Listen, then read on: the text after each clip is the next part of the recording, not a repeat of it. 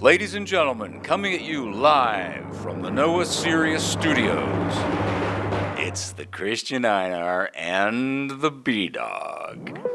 And you're listening to The Pit.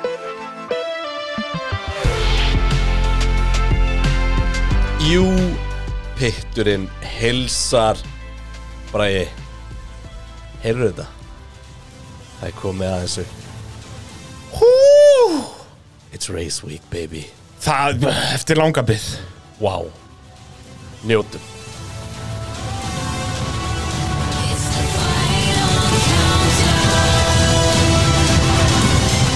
Hú, við erum dramatískir þannig að þriðudaginn, strákarnir Já og peppa þér Já, heldur betur Ég er ándjóks uh, í gerkvöldi þegar ég var að- aðeins að undirbúa þáttinn og svona Þá var ég eiginlega í fyrsta skipti svona alvöru peppaður Já. Wow, þetta var Já, já, rosalegt þetta er, þegar að þú beður um eitthvað lag, þá hendur brælinn í a epic cover uh, Dramatic version Eh, heldur betur gamli hundur þarna var uh, the, Eins uh, og- by damned anthem the final countdown Eins og uh, Final Countdown sé ekki náða dramatist fyrir Já, Þá fyrir já. við að double up við þurfum að double up allt saman hér í Nóa Sirius stúdíu og podcastöðurinnar í dásamlegu samstarfi við verkværasöluna Ólís, Arena, Kalda og Dominos ding ding ding ding ding heldur betur og uh, já, það er gott það er gott að uh, vera hér og það er líka gott að vera á patreon.is Já, heldur betur. Uh, Alltaf legend að bætast í hópin þar í okkar dásamlegasta pitkrú. Það er náttúrulega okkar allra besta Öspu Vilberg Baldusdóttir. Uh, við getum ekki reynd að finna eitthvað eitthva kapastusnafn sem að er með sömu byrjunastafi og hún. Uðið er, að- er að valda okkur vandræðan þar.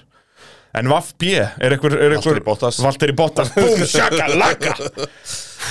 með The Sexiest Man Alive. reynda búin að breytast í Valdur í Mottas Já. núna, en eða, Já, eða heila- Valdur í Voltas Heilett helvíti hvað hann er hungulegur. Þetta þetta er rosalegt. En uh, okkar allra besti Robert Þormar. Manstu, við vorum ekki búin að tala um það okkur langaði mest, þú veist, að botta sem kom á óvart þegar við vorum að fara við listan hvað okkur langaði í að fá okkur bjór með einhverjum Já.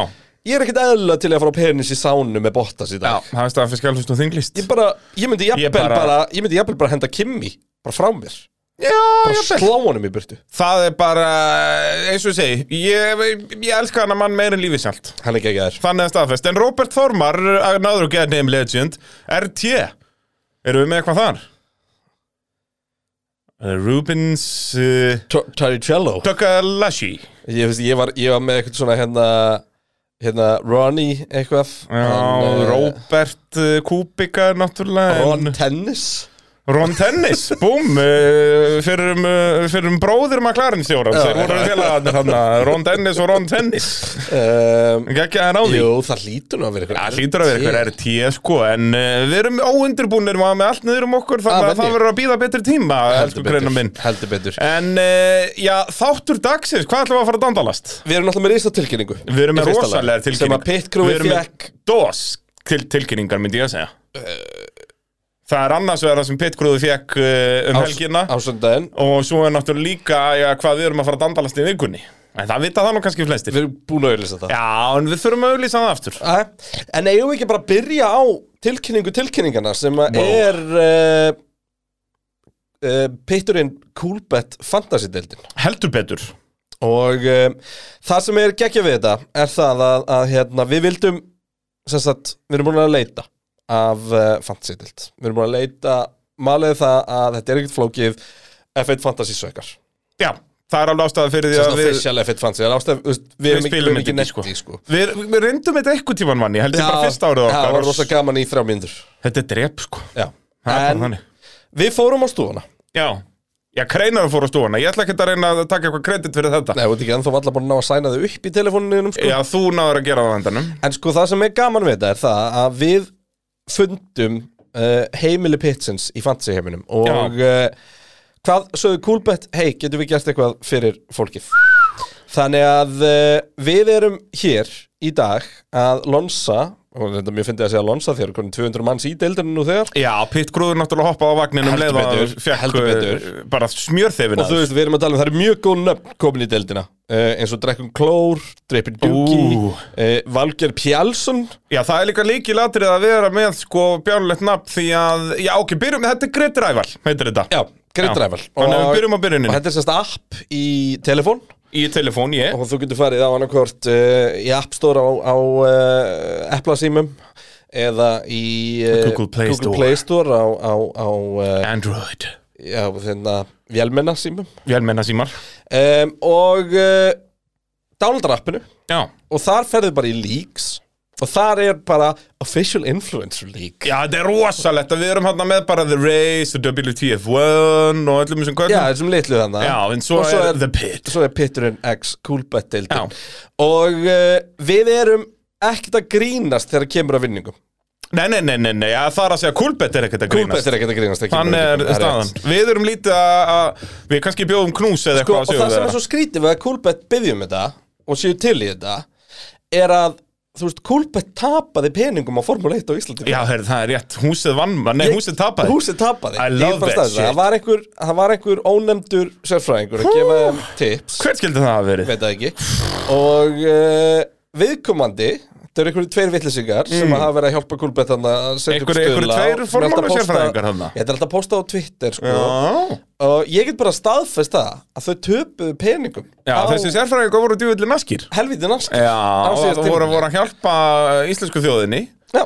Og uh, Ég fekk þannig einmitt að sent staðan í að við gær. hendum í uh, Við erum Ocean's 13 Ég fekk að senda í gær frá einum ónefndum að hérna Það er 1,2 á Max Verstappen fyrir tímabilið Bara er það ekki betri Já, sko, vextir í- heldur en innlandsreikningum hjá auði Jú, það er sko líka gegn Sergio Pérez var það ekki Nei, þetta var bara óvöld Þetta var overall bara, já, það er samt, skilur við, það er verið verið að gefa peninga Ég er enda tók eftir því að það er 1,8 á maxvæði helgina Mér finnst það helvið hátt Já, á ráspólið það ekki Nei, segur Sigur, já, pff, heyrðu, það er fríi Það peninga mun lækka alveg massíft fram að helgi sko Já, já, það þarf að hoppa á En, vannin en hérna, en allavega Það sem að, það sem að Kulbett ætla að gera Er það að það verða velun fyrir einhverja einustu keppni Já, bara eftir, og- bara á sunnudegi, bara kemur í ljós hver er stigaðastur þá helgina Við munum bara tilkynna það í pittinum Og ekki þess að skýrslu. stigahæstur ef, ef það er komið að Reisvík 10 þá er það ekki fyrstu 10, það er Nei, ekki nei, samtals hann það er bara sigurvegari samhelgi. hverri keppni. Já, Þannig að þú getur verið í síðasta sendi Jú. deildinni rifið upp eina helgi Jep. Já, Og uh, þóttu byrjið seint eða whatever sko. ég segi það Og uh, það verða sem sagt uh, 100 eurur á gulbett bara í Boom. innig fyrir Eh, ein- fyrir hérna eina hverja helgi? sigura og uh, 100 eurur skall í innig í lók tímbils fyrir sigura Eigum við eitthvað að ræða þetta? Þetta er, þetta er rosalegt að fylgjast með þessu Við gætum double up, við gætum hent súkkunni með þannig að þessi 100 eurur skall og bíl Heyrðu, það er enda rocksolid dæmi Einn súka sem vantar að skipta um stýristæli Já, það en getur ekki stýristælinn klikkað. er komin í hann. Já, hún er í farþegarsendinu bara, já, já En hérna, sko, þetta er náttúrulega algjörnegla og síðan ef að það er einhverjum sem er undir 18 ára og vilja taka þátt þá bara hafið þið sambandið okkur ef að þið vinnið og við fiffum annan vinning, engar ágjör Já, akkurat um, En það er raunur svona krafan til að eiga séns á vinningnum Já, en um, við, eins og séð, við græðum þá bara eitthvað annað ef, að- ef Já, að- já, það er bara pitsúa eða eitthvað eitthvað vel krúllegt bara Jep. Heyrðu, brallin hendi í Edition 1 Heyrðu, í dag Ég sé það, þetta er vintage Já, ég er með vintage, í dag. Vintage kvikindi. Það, já, já, hvað ætlar að gera í tíma það fór? óvinni myndalegur Ég heldur betur Eh, enda, ég, race líka, ég er líka í coolbet buksum Já, hvað er okkur það? Þetta er, það eru ekkit aðrilega hugulega Þetta eru svona sweatpants sem eru samt pínu fashionable Það er nú hindi gamanlega pakki fyrir bjössvínið En allavega, Grid Rival appið, við munum síðan fara yfir í hverju einustu viku, sigurvera og hvernig staðan er Já. og allt þannig lað og við fáum svona rapport, þannig að eftir Akkúrat. hverju einustu helgi þá fáum við skýslu, hástökkvara, hver Já. var að ná mestu valjúi út Já, úr eitthvað ökumunum. svona hver grætti í rauninu mesta Já. tími En nú, hvernig virkar þetta Kristján Einar Kristjánsson? Ef við bara hefðum einhvern sérfræðing til að segja okkur frá því Erum við með svoleiðis? Ég eða? veit það ekki, ít á play Og meðan við býðum eftir því að Bræði ná Ég að er í ít á tómu play basli við þess að taka, hættu Ok, þessu ok, og meðan að Bræði er að fyrir þetta Þá get ég sagt ykkur allavega Það á línunni var uh, Ross Froin Froin, Froin Já. uh, Sem er sem sagt frangöndstjóri og stopnandi griddræval Já, við erum að fara að hlusta á síntal sem við tókum upp með honum núna um helgina Yes, í beinni í, í, Já, Á fyrir- Petrin.is heldur betur. Jú villir ég búin að fá marga bara eitthvað Herru, takk, þetta var geggjaði Petur Já, það, við, við höfum gaman að löga þetta En þetta, við vorum líka orðnir bara góðu steiktir svefngalsi í sko. okkur sko. Já, við vorum En þar orðnir erum við steiktir fórum við yfir æfingarnar og svo náttúrulega á fimmtudaginn þannig að fólk sé ekki að gera sér falska vonir þá ætlum við að opinbera spána en ertu með þetta klárt eða? Já, heldur betur, eigum Þetta- ekki að þetta- hlusta Hérna, við á ætlum að- þetta viðtal okkar við að- Við Ross ætlum að svissa okkur yfir í ennsku eitthvað hrognamál og uh, þetta er Ross Já, það er komið að næsta liðnum hérna hjá okkur og eins og við uh, íðum að hér fyrir í þættinum þá er uh, Kulbettild Pitsins að Eh, fara af stað í Fantasy þetta árið. Uh, Formulegt Fantasy er ömulegt En Grid Rival er það ekki og uh, það verður plattform sem við ætlum að nota býtög Heldur betur, uh, ég er búin að skra með þann inn og er mjög peppaður en þetta er, þetta er öllítið flóknara heldur en venjulega formúlustöfið Já, þetta er það flókif að við erum með uh, forstjóra uh, Grid Rival á línunni Ross Fruin Hey Ross, thanks so much for uh, hopping on with us Yeah, thanks for having me, guys. Pleasure to be here. So uh, we were just telling people that F1 Fantasy sucks, but Grid Rival rocks. Is that correct? uh, I support that message. well, I guess that's why you, you guys went after it. Anyway, um, so we are doing this league in Iceland for the first time, and uh, there's been quite a lot of interest, quite a lot of people uh, signing up, especially for the fantasy leagues for the last couple of years. But uh, now we're moving, at least Pihturin, fully over to uh, Grid Rival, the mobile app. So uh, can you tell us a little bit about it? Yeah, so um, basically s- started Grid Rival out of a kind of passion to be more engaged with the sport itself. Um, here in America, you know, fantasy American football is really huge, and um, kind of always saw my friends playing it every year and the engagement created. And long before you know F1 had their own game, and there was some more options out there. Well, there wasn't any options, and so we we created it to really scratch our own, our own itch to um, be more excited and engaged with the sport. And um, you know, we've been doing it full time for about three years. There's sh- we should have about a quarter million users registered here by the start of this season. Awesome, awesome. And I mean, I guess it must be a big moment to you. You've been working with podcasts like uh, WTF1 and, and The Race, but now you finally have Pihturin on board. That, this must be a huge, huge moment. It is, yes. I, this is what I've been waiting for for a Yeah. number of years, for sure. get, get into the huge Icelandic market, you know yeah, I love it. we, we will be loud. Don't worry, don't worry. We will do our best to at least uh, act our size. So, Good. um, I appreciate it. so uh, Ross, uh, the main difference here is that teams and drivers you sign them up on a contract. So, uh, for instance, what it's it's five drivers and a constructor, and you but you can't really sign them up for the full season or, or anything like this. So this is not one of these where you just pick a team and you leave it. Yeah, correct. Um, I think the big difference, you know, with if if you guys, if most people listening are migrating over from you know the previous F1 hosted game, um, I think the big difference, other than you know it's mobile app based and probably a little bit more stable and stuff, is just the mechanics are a little bit more engaging, right? If your if your goal is to have a team where you can kind of set it and like never really do anything the rest of the season, um, this probably is going to be a little bit more engaging than than maybe you want.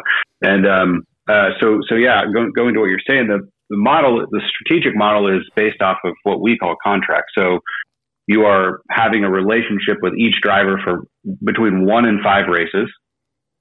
And um, one important rule that a lot of people miss because most people don't read the rules is um, af- after each contract is over, you cannot sign that driver again for one race.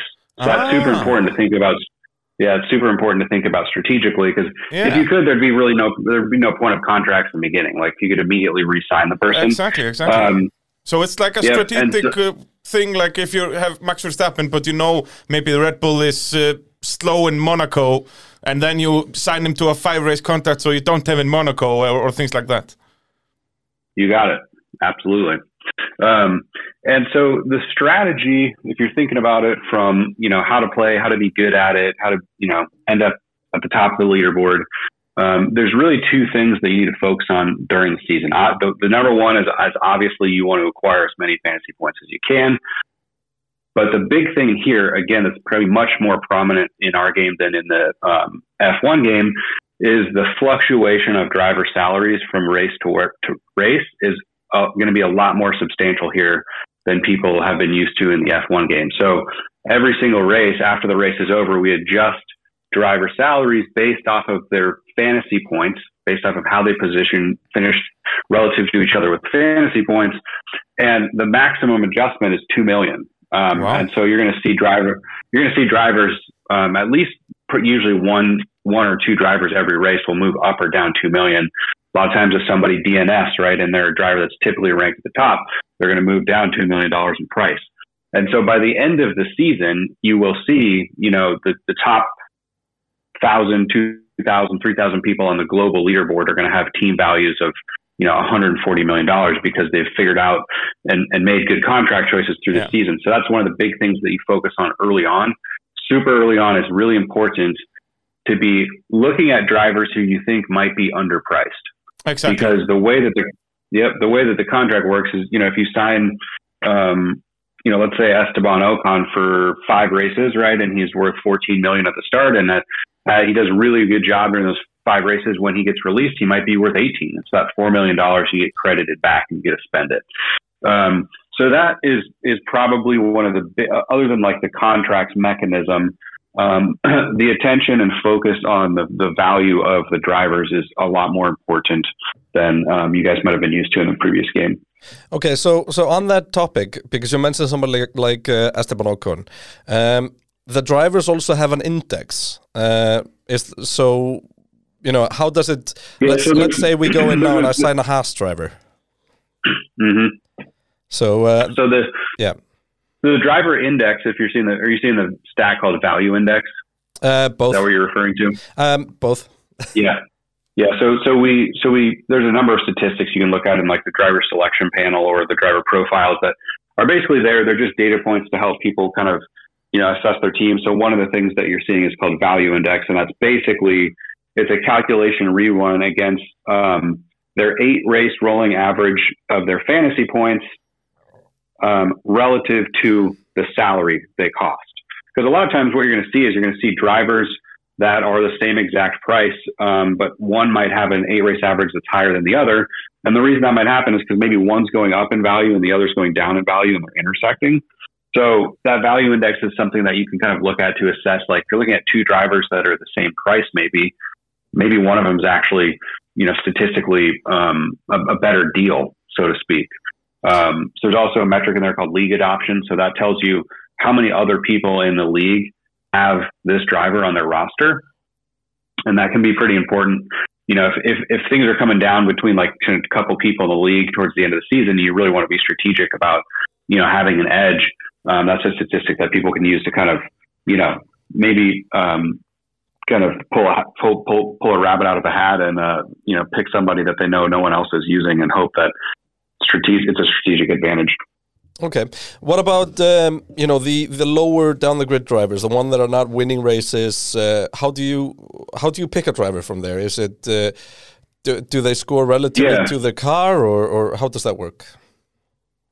Yeah, so um, I I pick them. I'll, I'll I'm the number one thing I'm looking at is again who, who's underpriced, um, especially the first half of the season. Um, outside of that, there's a couple things to consider. I think you need to pay a lot of attention to how fantasy points are delivered in the game. So there's six ways I can go through. The, the a couple of them are obvious, right? So finish position that has the most weight. Finish position of the race, qualifying position.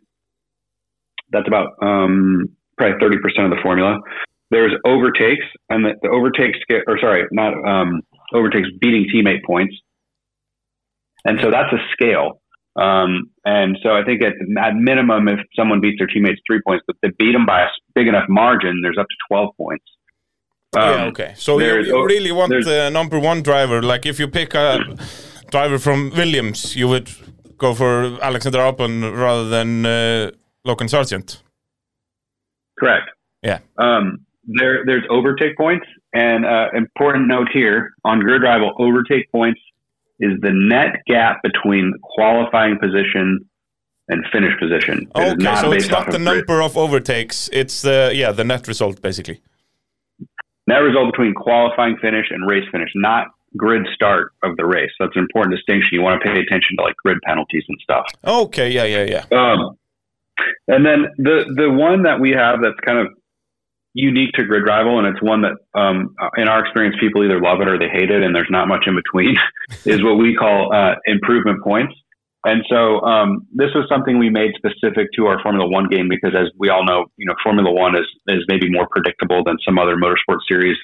And so what we do is we track the driver's eight race average finish position, and then we award them points if they finish above it and by how much. Ah, And so- I get it. Yep.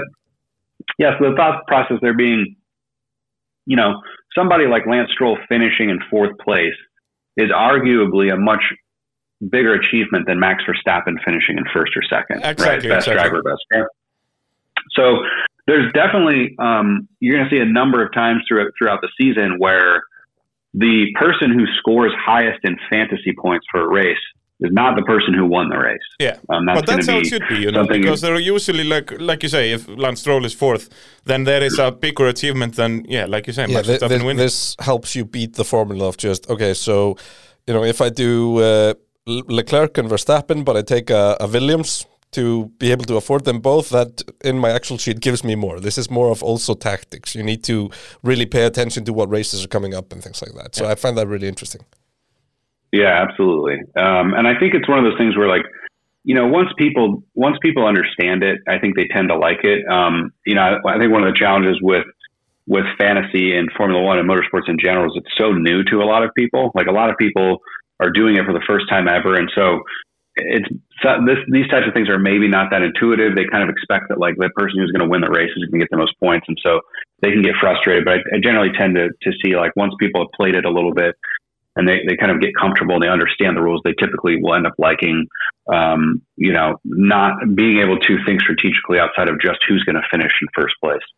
This is this is Um, awesome, Ross. Yeah. Um, then there's uh, you can you pick one driver for double points, right? Yeah, so so we have a thing called a talent driver, um, and uh, it's any any driver I believe is under 18 million in value that you Oh. um, get double point get double points for, yeah, so it's not and always uh, that, just Max that that Verstappen. talent It's never Max yeah, Verstappen. exactly. and and and the talent driver, um, unlike um, the driver contract, is not actually locked. So you, so you can change that from event to event. Okay, yeah, But so it's that's not not tied like a to- five race contract thing. Correct. Correct. Okay, okay. Oh, Okay. Um, and also imp- also important to note, which you'll figure out in the interface, but to, to be able to utilize a talent driver, you have to have a full lineup. So you can't just pick four drive. You can't just use all your money to pick like the four best drivers Yeah, and still use a talent driver. You have to fill out the full roster. Okay. Um, finally, um, I've got one more question. At what time during a race weekend do you need to have uh, finalized your team? Yeah, by the start of qualifying. So Oh, it's just game on the locked out clock. of qual- Yep. Shit, game locked Brian, out of that's, qualifying.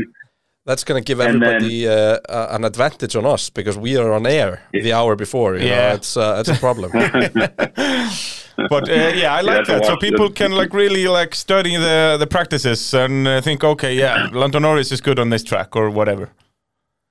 Yeah, I think um, I think like the most hardcore players are you know looking at practice and they're thinking about Yeah. what's happening. Um, but uh, you know the the singular race also is less in, less important because you're thinking of, you know you're typically thinking about you know three to four races out depending on your strategy for contract length.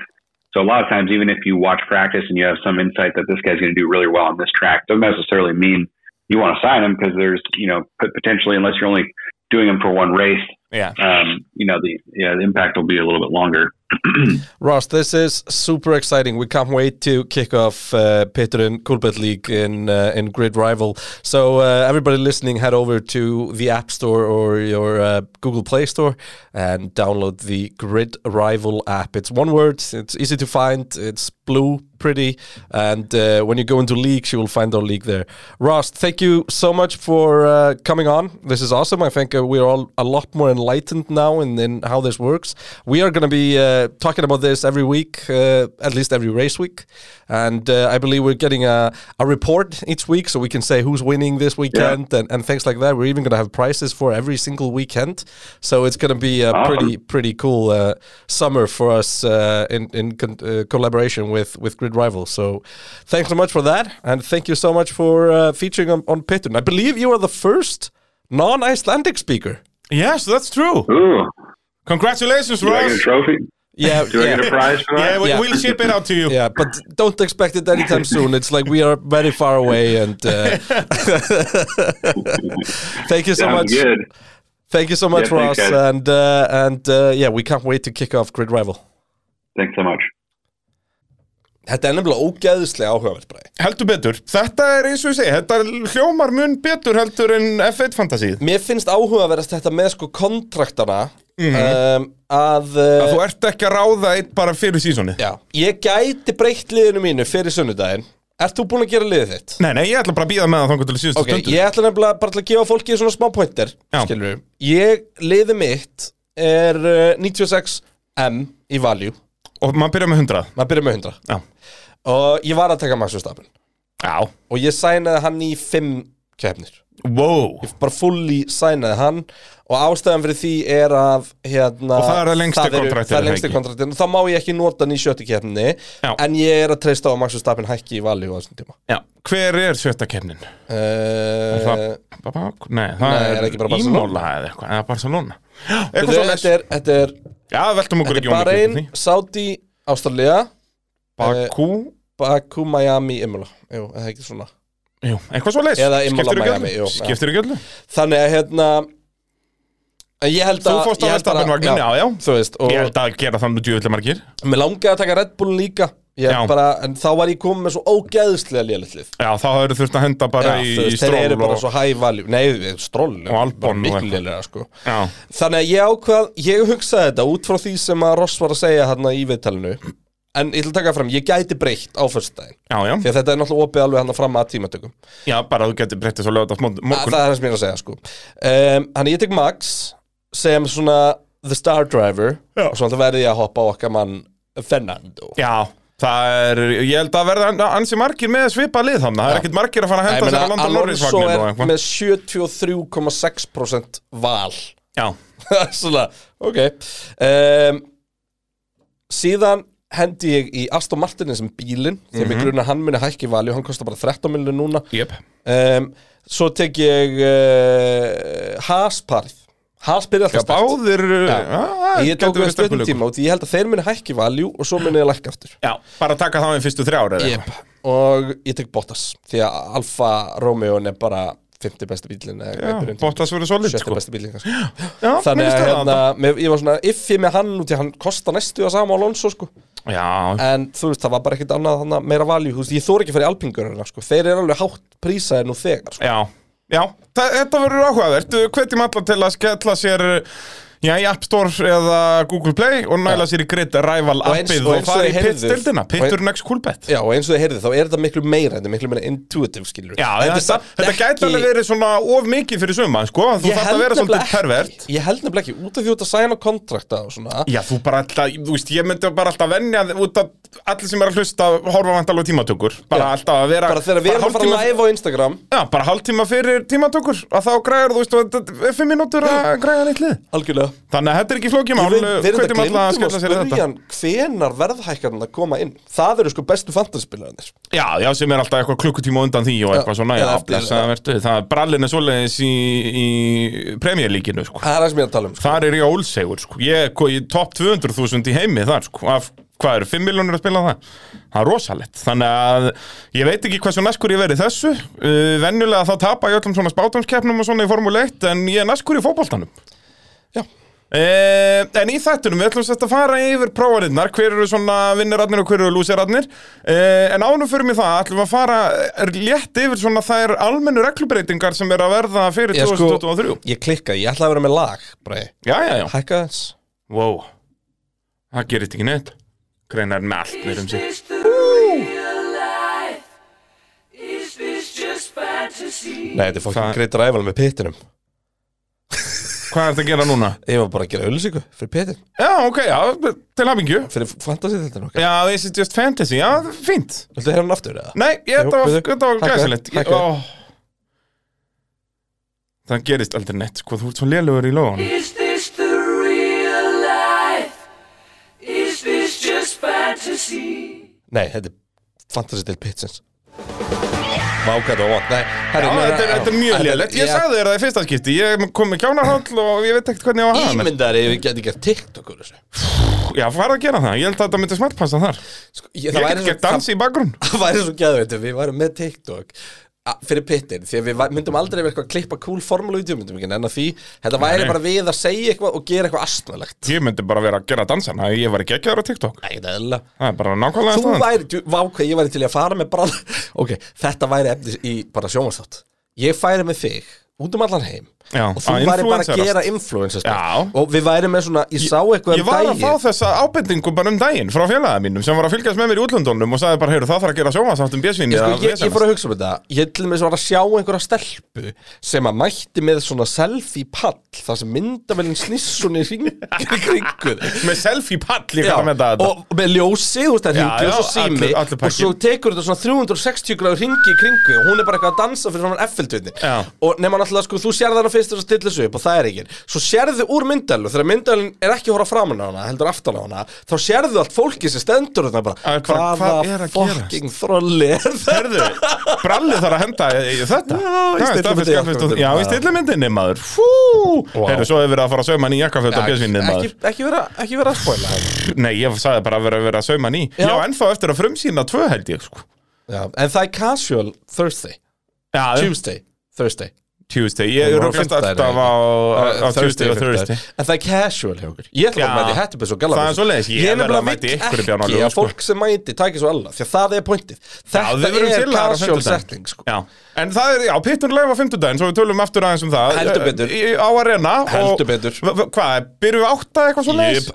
Og ætlum að byrja bara á svona léttu spjall Þar sem við erum að openbæra spá okkar fyrir tímabilið Jep. Og svo bara Q&A og eins og sett Það verður bara næs Brallin Ætlum að verður í fá svona þau. einum og hálfum bjór bara Fá þetta að hendi driven bara undan Það Nei, er samt full þetta er of langt, snemmt sko. sko. Já, það er orðið full snemmt Það Við verður lærðum- Við frekar lærðum eftir það á. síðast að það er ólangt sko Já, það er hérna, en við þyrftum að henda í drifin uh, bíómyndakvöld eitthvað tíman á að reyna Jep. En þá líka þyrft allir að vera sótaðir sko. Jip En nei, það verða allir svo Svo það er Já, já, það er staðfest, galfest og þinglist Var það ekki bara svona Marley Monroe sko Það var nót til að drepa bara, þú veist, flóðhest Jú, jú, þannig er staðan uh, En jú, áður en við förum yfir æfingarnar þá ætlum við að fara yfir svona þessar uh, léttu reglubreitingar sem er að fara að verða sem sagt á keppnum og svona almennt séð, ekki sem sagt reglubreitingar og þróun bíla eða neitt svoleiðis og það er kannski fyrst og fremst eh, DRS breytingarnar, það er verið að breyta hvað, fimm brautum Ekki sex, er það fimm Já. Ég held að það sé fimm, það eru Bahrein, Jeddah, Melbourne, Baku og Miami sem er Ég er staðfest ekkert núna með á hreinu hverja DRS-breytingarnir eru annað Nei. heldur en ég veit að það er að koma fjórða DRS-svæði í, í Melbourne og ég er ekki hiss að það séu breytingar í Bahrein og Jeddah eftir síðast ár sko.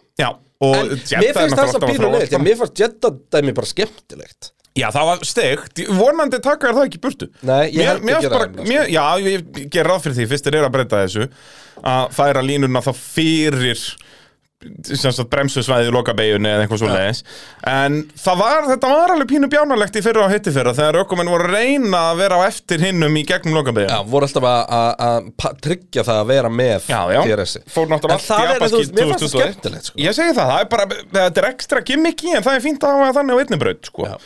En já, við gerum ráð fyrir að því verið breytt og, og bætt við, já, einu litlu svæði í, í Melbourne Þannig að það verða svona fjögur stutt DRS-svæði uh, Og svo, þú veist, er alltaf verið að fínstilla Baku, ætli sig í Baku, ætli sig ekki bara verið að stytta það enn meira á ráskaplanum eða eitthvað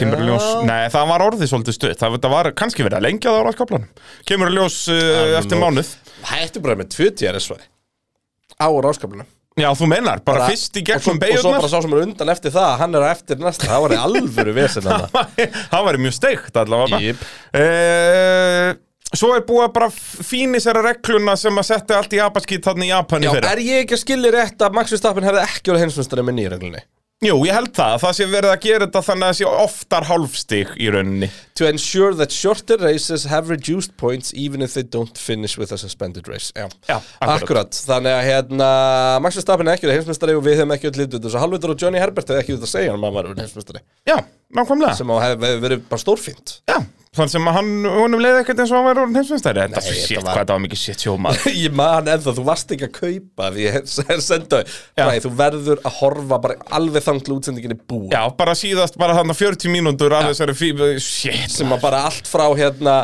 eh, Já, svona æ, japanski stuðnismenn eru mjög kurtisir já, já og svo, þú veist, myndatökum menna þú veist, þetta var svo mikið fucking Já, kja- það það clusterfuck, vissi sko. engin neitt Þetta var bara dragalegt og já, það er búið að breyta því Þannig að ef að svona laga gerist aftur og þá verður það þetta hefði ekki jafn verið mikið minna shit sjó kaos ef það hefði bara lent, þú veist bara geimverur hefði bara lent á ráslinni Já, því það fólk er hefði bara, alltaf bara hefði geimverur Og bara svona, við höfum bara eh, tekið því eins og það kæmi, skilur Já. en uh, þarna vissum við ekki neitt þannig er staðan uh, síðan ein áhugaverð regla sem er alltaf prófað, þú veist, þetta verður nú ekki í öllum keppnum en það er dekkjareglan í tímatökum Já, ég held að þessi tvær eða þrjár sem ég ætla að prófa núna og þetta er sérst liður í því að, að minka kólundinsprótspor formúlunar Já. sem er heldur betur verið að, eh, að gera um, hérna, og konceptið þarna er sem svo að það verður það verður ákveðið dekk í hverju sessjóni Já. þannig í Q1-um ert á hörðum dekkjum, punktur Já, og bara einum gangi af hönnum dekkjum Eh, ég held það allavega Q2 eru, myndli hörð og Q3 eru, eru mjúk Já, og þá farið tvo ganga í, í Ég bara lokakeppnum. er ekki búin að sjá smáatriðin sko En, En ég held að það sé svo leiðis, mér minna að ég Hlýtur vil að leysa vera. það einhvern veginn um, Ég var myndið hérna að rúlla yfir kynningu frá formúlinni, ég veit nú ekki, ég má ekkert að tala mikið um þetta en Wow, það er we're einhver the hlutur inside hérna, information fikk 180 blaðsina PowerPoint. Og ég barast það Nei, það er reyndar eiginlega áhugavert á flestum síðan, nei, ég líka. Fekk ég þetta kannski í tölvuposti Ég sem ég er held lungu búin að ekki, setja í ég þarf að, spán en ég þarf að senda þetta að þig. Nei, það þarf þetta ekki að gera Þetta er sem sagt, þú veist, allar uppfæslir í grafík fyrir árið Já. og hérna, og þannig að, og eitt sem er drullu cool er að hérna formúlin er að taka inn AI, sem sagt, gerfigrind í image generation sem að hérna getur gert allar myndavelin á brautin af ultraslóma. wow. Þannig að meira að segja að þú veist, onboardvélin í hjálminum getur verið ultraslóma vel. Það er hippa cool Það er mjög töff sko Þannig að hérna, verður frólægt að sjá hvort það bætan einhverju í útsendinguna Já.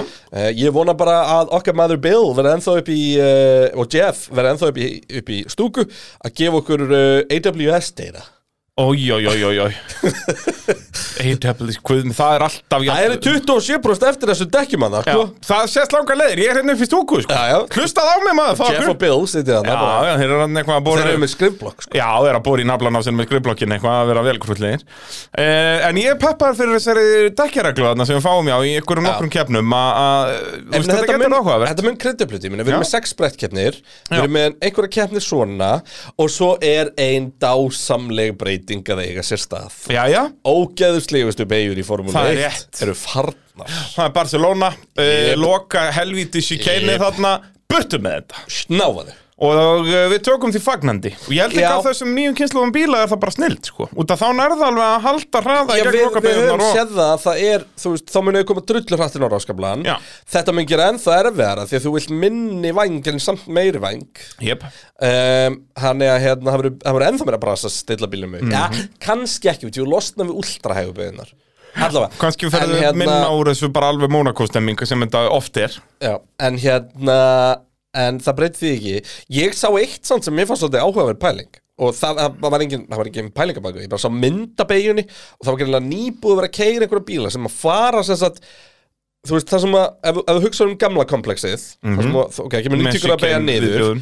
Hann sem sagt, fa- fóru þar áfram Tóku beiguna, fóru svo inn í shikinni En það er svo uppeja, uppeja vinkil ah, pff. og hérna, Æ, ég veit- veit ekki með ég það. held að formúlbílina séu stóru og leðileg fyrir Já, já. það sko og Það þetta er myndi bara- virka í einhvern sportbílakapastur. þetta er bara lesti og það mótjólum eða eitthvað þetta var auðvitað eftir mótjólakapastur Já, geti verið og hérna Þetta er náttúrulega rallycross braut þarna líka Þessu luti geti ég brautarinnar að vera eftir það Geti verið, sko það var alveg þannig mikið að þú veist, þetta leit út eins og þetta er drift sko Já, þá var þetta potið Þetta er rallycrossið sko. rallycrossið. Já. en hérna en uh, Við tökum þessu fagnandi tökum þessu fagnandi Það- Heldur betur og þá koma þær hraðar inn á ráskaplan sem þýðir að það Já. verður auðveldar að fara fram úr fyrir fyrstu bygg og Nákvæmlega. það er meira kjölsók þannig að Þetta er allt tjóðið gott. til langur beitt kapli sko. Þannig að Þetta er já, alveg- þetta er Þetta alveg þetta- kafli. þetta er er dásamlett Þa- stykki. Þannig er staðan e, Já, þetta er svona það helstu, helstu breytingar á brautum og reglum svona fyrir tímbil Þetta er náttúrulega ekkert svakalegt En það er alltaf verið að þróa þetta aðeins eh, Þannig að þetta er alltaf pínulífandi Þannig að gott að vera með svona hluti á hreinu Kreina minn Eh, Heldur Annað til betur. að hafa á hreinu að það er kóðin pitturinn þegar þú ferðin á dominos.is Jep. að eh, skella sér í eina petsu ég ætla nú Jep. að panta mér í, í kvöld eh, þar sem það er nú þriði dagur og þá var, er annað fáralegt heldur en að panta sér eh, Dominos en líka út að þriði dagar þá er þetta að skella sér niður á arena því að það er, er ekki 50% þar á þriði dagum á Ég- öllu er það málið? Ég held að það sé bæði á mat og spilatíma. spilatíma og öllu, ég er bara, ég ég er ekki frá því, sko. Ja, Þetta er bara Og þessi fyrirtæki með betinni með Já, heldur betur og svo náttúrulega verðum við á að reyna þarna á 15. kvöldið og þá er hvað pizza hlaðborð og bjóra og þrjú Þrjú og fimm Bara verið að gefa mat og drikka þarna, það er rosalega Við fylgjast með þurfum þessu bara að hanna pítsu Já, við, hvað mætum við þá Sko fyrr bara? annarkort það Eða þá að við bara veljum sikk hvora sem verður í hlaðbólinu Ég bara sendu mér uh, hvað ég þarf að gera og ég geri það Farðu bara niður í arena og segja bara Þetta er pizza bíhundsins Ég vil Fara hann að brauð, núna eða? Ég vil sós Ég vil ost Og alls gums. konar eitthvað Já, og gums Og trefs um mens um mens Og jafnbreytaslist eitthvað hérna. heita Já, lestarslist. heyrðu, já, ég þarf að fá fæðið minn til að skelli jafnbröðaslis Já, Og skella ofan Ég pizza setja það á pítsun út það er náttúrulega hakk í grunninn síðan bara 20 uh, svona, Súputenningar. svona súputenninga Já. Og við Það kannski væri förum og eðal. kaupum einhverja fancy svo bútið Ekki Já. júrasjöpun, við kaupum knorr eða eitthvað kaupa knorrtenningana maður heyrðu, við getum þurft að kelli inn að jafnbreytaslis uh, petsu Já, og svo æðislegt. þú Mig veist langar að ekki setja, hérna. setja smá myndu með Ná, bara það væri reynd að kjafalögu pakki svona toppa með myndu Já. búmsjakalaka, heyrðu, pizza mín er En komin skýraða salat Ski, já, sjálfsögðu, þetta er salatón á pítsunni Það er nýjasta trendið í dag að setja, setja salatón á pítsuna Þannig að ég skelli steikarsalati hann á Það hana er gott að vera með rúkula á pizza Já, já, en eh, ef að faðið minn væri sendur út í búð að kaupa Ég- það Þá myndi hann komið myndu tilbaka Já, eða bara þú veist, kannski kórihandir Já, já. Og svo þyrfti grunnurinn að vera vegan sko, út að faðið minn gerði það líka eitthvað tíma en kefti henni svona frostnar vegan pítsur út af því að Mér finnst, að, mér er mjög gaman að kóta nexlaður á því Já, nei, sko, út að hann bara, hann er náttúrulega blindur, þú veist, hann er hávaldra maður og fer bara út í búð og hann treystir því alltaf bara, út að hann keipur þetta í búðinni þá er þetta matur og maður borðar þetta Nei. Hann les ekkert á pakningarnar, skilur Þannig að, þú veist, hann hefur eh, eldað í staðin fyrir að setja hnetur í kjúklingaréttin sinn, setja hann súklaði húðar hnetur með bara kjúklingarétt, sko, út af því Það er að ekki hann, ánað með það já, hann fór bara út í búð og þetta voru hnetur Hvað, all- allt annað er bara aukatriði Þannig er rosalugur hann fæði minn, rosalugur En uh, hvað um það? Við ætlum að fara yfir þessar prófanir sem voru núna frá 50 degi til Ég lögandar ætlum við ekki alveg bara að svara spurningum Jú, og Þegar við svona- alltaf fórum við lifi prófaðinnar um helgina Já, inn á pitrum.is en Nú erum við að tala við Sauruan Almúan sjáðu til og, og hann á nú líka alveg skilið að vita aðeins hvernig prófanirnar fóru Þannig ég er búinn að setja upp spurningarnar sem við fengum inn á Facebook síðu pitsins Já. Og þær ættu svona leið okkur í gegnum stóru hlutina Ég er svo með eina spurningu bara sjálfur sem ég sá að svona, svona vantaði þanninn Þannig að ég ætla að fá að spyrja þig eh, allavega eina jafnvel tvær spurningar Vá En við ætlum að byrja á okkar allra besta Agla Fabian eh, Pozzocco Gla Fabian Já, er það ekki Agli. þannig? Agli, Feitin. sagði ég hvað? Agla? Agla. Já, það er Þegar maður byrja í okkar allar besta agla Agla? Það var ákveðina Ekki ágætlega En okkar allra besti Egil Fabian Pasako Yes. Ég eh, kann að meta hvað við erum að verða international hérna. Jöp. eh, Hann spyr eh, hverju voru að sína réttan hraða og hverjir ekki Engin Það er náttúrulega mjög sjálfgeft að lið síni réttan hraða Ég myndi segja Mögulega voru kannski Aston Martin næst því að vera eitthvað svona í einhvernum tímatöku ekstri en þú veist þær eru samt að Nei, þú ert aldrei einmitt ekki alveg í tímatöku tímatökuakstri. ekstri Einmitt ekki tímatökast Já. Þau enduðu ekkert á því Nei, þau, já, þarna bara á fyrsta Alfa degi var það Taurin er ekki. miklu hraðari og expertinir að segja Alfa Taurin sé hægar en William sko. Já, Alfa Tauri leit ekki vel út í, í sérstaklega hægubeðunum Það uh, er miklu betur út enn í fyrra fyrir utan bara hvernig ljótur uh, Hérna uh, Það er ekki hægt að metta En ef ég ætti að gíska Þá voru Ferrari að sandbaka mest Já, uh, Ég held að Mercedes hafi ekki sandbaka raskat uh, Þá það er ég ekki séu að bara í alvöru meina basli Nei, þú veist, ég held að hlutfarslega séu þau bara þetta land og eftir Já. En bara eru í brasi í alvegni með bílinn, sko um, Alpín gætu verið mestu sambakarnir Já, það getur verið, það hafi verið sína réttan hraða sem Já, en minnst bílinn samt leit bara ekkert vel út, sko Já, Nei, það gerði það ekki, það var óstöður og Óbáslega og, óvart og hossandi, alveg hægri vinstri og ég veit ekki hvað og hvað En uh, máli með prófan er þess að það að við áhorfendur og hinn liðin og engin, það eru bara liðin sjálf sem að vita, Nákvæmlega já, sem sagt hversu mikið Einhverjir bensin er í svona bílnum hönnuðir geta hort og s- sagt, þú veist En basically, sko, ef það væri annað testing eftir næstu helgi Þá allt í hennu gætu miklu fleiri fara að segja okkur það, sko. Já, Því Þá algjörlega. sjáðu bara karakteristikinni í bílnum, sko Já, og þá er ekki En- jafn mikið að fela eftir fyrstu keppni, skilur En það, það breytir því ekki, ökumarinn er ekkert að fara út og fela það hversu góðu bílinn er og það allir með sást bara með Red Bull, bara ringa til ringa til ringa til ringa Þú veist, sáum við einhvern tímann einu sinni bara að lokka upp líka við það Já, Peres á önum degi, hann var í tómabæsli Já, já Sástu Max á sínum Nei. 200 og eitthvað ringjum, einhvern tímann gera það Nei Þetta er rosalegt, sko Þannig að Red Bullin lítur gríðarlega vel út uh, ég, En sko talandi um sandbakking, sko, ástæð sem ég hef ágjörða með Ferrari er að ég held að Ferrari hafi verið að kera í vélamóti og neðalega mhm. og ég er pínu hrættur fyrir hönd Ferrari að það er ekki ennþá búið að sanna fyrir okkur hvort að þessi performance gain sérst, eða reliability gain í raun og veru að fá endinguna inn til þess að geta fulli nýtt mótorinn Já, öll Við vitum næstu ekki hvort það er komið Nei. Það kemur bara ljósa næstu helgi Eða þar næstu helgi Já, svona í fyrstu, fyrstu þreima kemnum Já.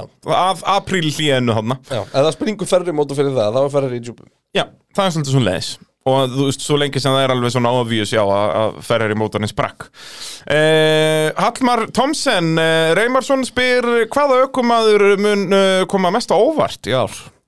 Hvaða ökumaður? Það er eh, Þú veist, Pjastri er náttúrulega þetta Já, risa en þú spurningamerki veist, en kemur eitthvað óvart Kemur það óvart ef hann verður lélur, kemur það óvart ef hann verður góður Nei, ég segi það, eh, þú veist, jú, það er myndalega komir óvart ef hann myndi vinna Norris, það væri rosalegt Hann er ekki að fara að gera það Í- Nei, ég spáði því ekki, þannig ég ætla ekki að Þannig að það- ef að það gerist, þá er hann klálega svo sem komið mest óvart Já, Ætli að vera ekki bara Norris þegar hann endar á að snappa endanlega á McLaren og bara lappar út og við sjáum hann ekki aftur fyrir hann að það var, það var önnur spurning hérna um, uh, um hann allra besta Hvað er Norris aukum að hann komið mest óvart?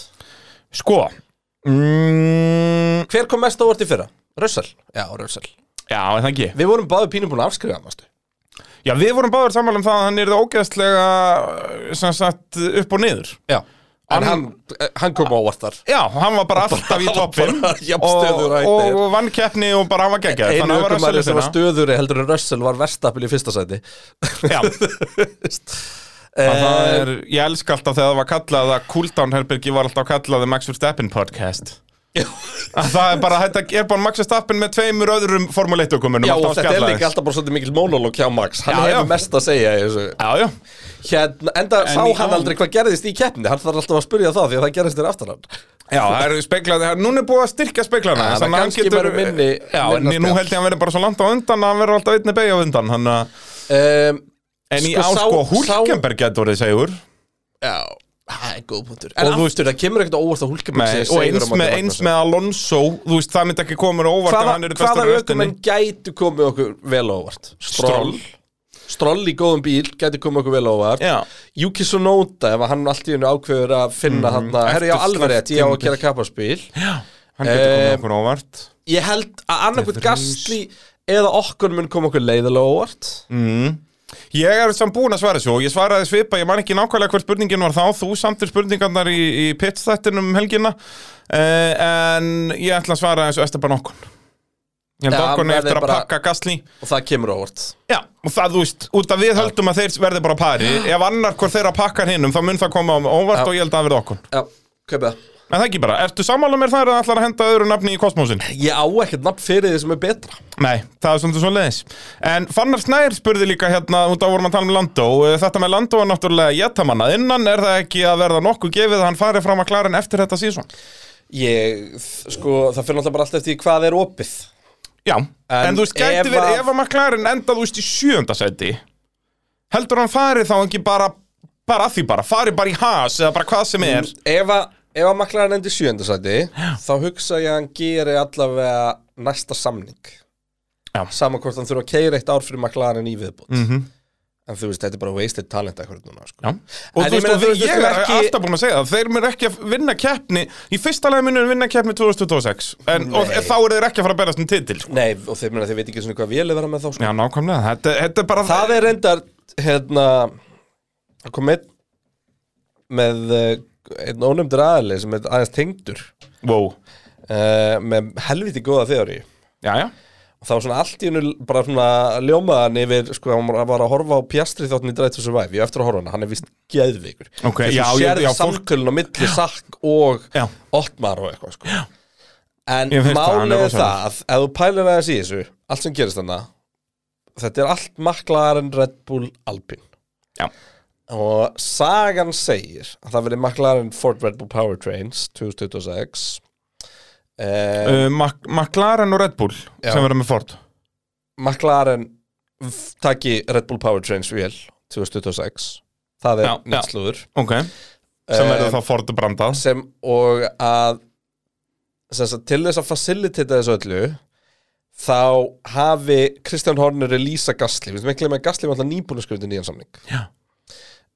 um, sem að þýtti þá Piastri gætt farið yfir til, til hérna, McLaren og sem hluti að dílunum er Red Bull að taka Ricardo og þetta sé bara allt, það sé bara vélar aukumenn allt bara í einum, einum gröð, þetta er bara eitthvað, þetta er bara eitthvað skítadíl Já, þetta lænar allt saman upp Ég er ekki að segja þetta sé rétt, en þetta lænar allt saman upp það er ekkert sem að ég get uh, gert til að mótmæla þessu eins Og það er núna. véladillin er miklu stærri heldur en til þess að taka hluta af laununum hans Ricardo Já, miklu stærri sem að við náttúrulega me- vorum, við glemtum náttúrulega að minnast á eitt Þannig að, en já, það er, Já, það er áhugavert já, Og eins og segja, þetta geta alveg meika sens já Það Þetta er, það þetta er svolítið skemmtilegt svoleiðis. En þá eru Ég þarf að maklarinn horfa á aftur í þátt, ég er bara búin að skýtnum horfa fyrst tvo sko En þá er aftur maklarinn bara í skýtnum að vera með sömu vél og, og, besta betra lið, lið Ég já. segi það, að vera, þú veist Þú ert ekki að fara að vinna formúl Kanski verður formúlan þannig í fremtíðan og getur unnið með kostumarvél eins og þetta var í gamla dag Og þú veist, og með kostkapin og allt þá er þú veist, eins og ég segi, Nei, eftir eina liðið sem 2026 hefur getur gert- þetta gengi eina liðið sem hefur gert það eitthvað á síðustu 20 árum uh, eru, eru tvölið, það er Brón Mhm. mm fyrsta lagi, það var náttúrulega bara Mercedes uh, ekki einu sinni til, þannig að nei, það voru ekkert einu sinni custom element sko Nei, þá voru við og, með vel og svo er það bara Red Bull Runó sko Já, en þarna í bæði tilfellum var þarna, þegar Red Bull er að vinna allt var ekki Runo lið og, Jó, það bara hétt Lotus, Já, en var þú það ekki sama liðið sem smíða vilna? Nei, Nei, það var bara Enstón Runo vélinn var smíðuð bara í Fraklandi Já, nei, hún er alltaf smíða breytin held ég, ok, en þú veist, var smíðuð af Runo Þú veist, þetta Ok. liðið hétt Lotus Runo Já. sem sagt bara út að við vorum með Runo vél En eh, hvað er síðasta svona? Þú veist, McLaren var alltaf bara Mercedes- hérna, Works- Mercedes Works- liðið. Mercedes- Mercedes liðið sko það hefur bara verið Nei, Með- hvaða mótor Benetton var var Benetton Ford með? Þe, Þeir voru með tvo mótora fyrra, lið- nei, fyrra árið með Ford og setna með Runo Og þá var Runo ekki með Works Williams Williams var með 27. Runo Það var uh, Það var ekki Runó lið þá Og já, Runo uh, Já, já Og já, ég, bara það er mjög góða punktur Hvenær vann síðast bíl með Vann vörkslið bara Já, vann Workslið Við þurfum, þetta- við þurfum að kafa, við erum ekki að fara að finna þetta núna heldur. Nei, það er, þetta er virkilega áhugaveru punktur uh, En uh, hann Tryggvi Þór Einarsson spyr Er Red Bull að fara að vera með afgerandi Er að fara að vera afgerandi góður fyrir hlutan En Ferrari Mercedes að ná þeim eftir það Og haldið þið það dugi til að Red Bull eh, Taki báða titlana uh, Já, við höldum að Red Bull eh, Veri sterkastir framan af Já, Svo, þetta er svo bara spurning, eru hinir að fara að komast á par eða eru hinir að fara að komast fram yfir Og Já. svo er líka bara spurningin, hvað getur Adrian Newey og Kó gert? Já, þú veist út að eh, það er þessi refsing sem að Red Bull er með eftir að hafa brotið kostkapið í fyrra þannig að þeir fá bara já, mun minni tíma í vingungum og svo leis þannig að e, svona þeir eru, eh, já k- kenningin er svo að þeir verða betri til að byrja með út að bílinn sem þeir eru með núna með í höndunum var bara hannaður í fyrra áður en að þessi, þessi refsing kominn En uh, já, svo er spurning hvort að hinn liðin nái þeim og þá er eins og þú segir, komist þau fram úr eða bara upp á hliðin á þeim? Því vil færi allt, allur skíturinn í viftuna Ef einhver myndi keira á Max í fyrstu 2-3 keppnum Já, Því að ef þú pælir í Það er miklu betra fyrir Leclerc Að Leclerc og Max detti út í fyrstu 3 keppnum miklu Báðir Jep, heldur en að þeir klári báðir jep og uh, því að það er 20 í þessu ég meina hvað vorum við að tala um hvað kostaði Mick Schumacher Haas mikið peningi fyrir það Það voru, eh, 3-4 miljonir dollara jú, fullt af miljónum sko 3-4 miljonir dollara af compromised þróun og kostkappu og öllum pakkanum Jep, er ekstra dýrt jep þú veist hlutfarslega er miljón dollara dýrara fyrir Red Bull akkurat núna heldur en fyrir verri Já, og hérna hann er að Já þú veist, fyrstu keppnur eru mjög mikilvægar fyrir Max Verstappen Jep. Og kannski sérstaklega Sergio Perez já ég ætla en þú haldaði fram ég held að Peris klára ekki tímabili sko Já, það er allavega En hann Red Bullin þarf að vera miklu betri heldur en þú veist, til þess Því Og að ef að Daniel Red Bull Ricardo eru- er ekki ónýttur, hann er bara hann og hann er, Já, ég, hann mynd, er alltaf ég á myndi í kantinum. alvörinni fyrir ekki að taka Daniel Ricardo í liðið mitt í dag heldur en Peres Nei, það er nú ekki sammálaður Nei, kannski Ég, En ekki í dag veist, ég er bara á því að McLaren hafi bara drull Eftir ég heyrði þessa pælingu með bara Landon Norris er ennþá að kera besta bíl sem hann auktum að kert Mhm. Daniel Ricardo tók massíft skrif aftur á bak Já, Það bara, já, þetta meikar svo mikið sens Það er miklu erfiðara já Já, og við tökum þess að pælingu eftir, það spurði ykkur út í nákvæmlega þetta, að hafa Ricardo þarna á hliðalínunni. Eh, Jón Þór spyr, hversu mikið ætli Bensi á sandbaka núna, hvað ætli Tóta sé að tala um þegar hann sagði að Bensi hefur ekki búin að sína öll vopnin? Það er þessu uppfæslu pakkið sem við talaðum um eftir Já. hvað fjóra og fimm keppnir að þeir ætla að koma með bara stórar uppfæslur í rauninni, að vera Já. bara með svona aðra útgafa af bílnum í rauninni Ég sá viðtal við einn að yfirhönnu Mercedes, þannig sem hann var bara spurðið beint út bara, ertu til ég að bara put it to rest eru þið að fara að droppa zero pod conceptinu hann sagði nei, Já. en hann verið mjög visually breyttur Já. Þannig að hérna, sama konsept en, en mikið þróun og það Þetta er ætti að náttúrulega bara koma arleið þess að þú veist, að Message gat byrja að hanna bíl þess ára svo seint út í þetta eða öllu síðast ári að fatta hinn bílinn skilur og á samaskapi, það er náttúrulega ástæðan fyrir því hvað Red Bull er að dóminu núna þú veist, hvenær ætli Red Bull hafi bara sagt öllum að hætta að spá í 2023 Þú Já, það er bara Fraklandi eða eitthvað, það er bara júli, ágúst, skilur veist, það er bara búin að wrap it up Já.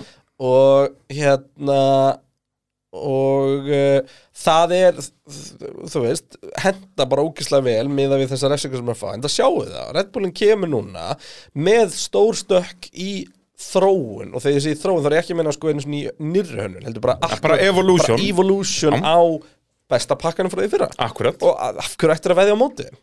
Já, og nákvæmlega, og sérstaklega eftir að hafa hort á æfingarnar og séð bara hvað bílinn lítur vel út á braut Hann er bara stöður, hraður, gott race pace, gott tímatöku pace, ekki drama Bara, bilar ekki bara, bilar ekki bara sturlaða pakki Það er bara svo Honda mótorinn ennþá jafngóður og allt bara En náttúrulega sögulega hafa Benz alltaf verið að sandbaka í prófunum Nefna bara í fyrra, það var í fyrsta skipti Þannig að Já, við býðum að sjá sögulega hafa Benz ekkert verið í vandræðum Nei, það er okkur máli Enda Þannig að- vorum við alltaf að býða eftir því, þú veist um Fyrstu keppnishelgina bara, heyrðu, jæja Benz Færið að taka sandbókun úr bílnum Akkurat. Og svo bara í tímatökum, heyrðu, nei, það voru aldrei neina samt sandbókun ekki fyrra út af því að það var Já, en samt einhvern veginn voru við Þú veist, út, það voru flest allir að porposa skilur Það var bara svo brutal Málið það, þú heyrðir það, þegar við vorum ombord í bensinu Heyrðir hann lemmist Já, bara- Þú heyrðir, þú veist, hérna Þetta var svona eins og munurinn á að vera í sko tífólítæki Já. Eða þá bara Einhver actually brutal bara bara. að velta torfarubíl Já.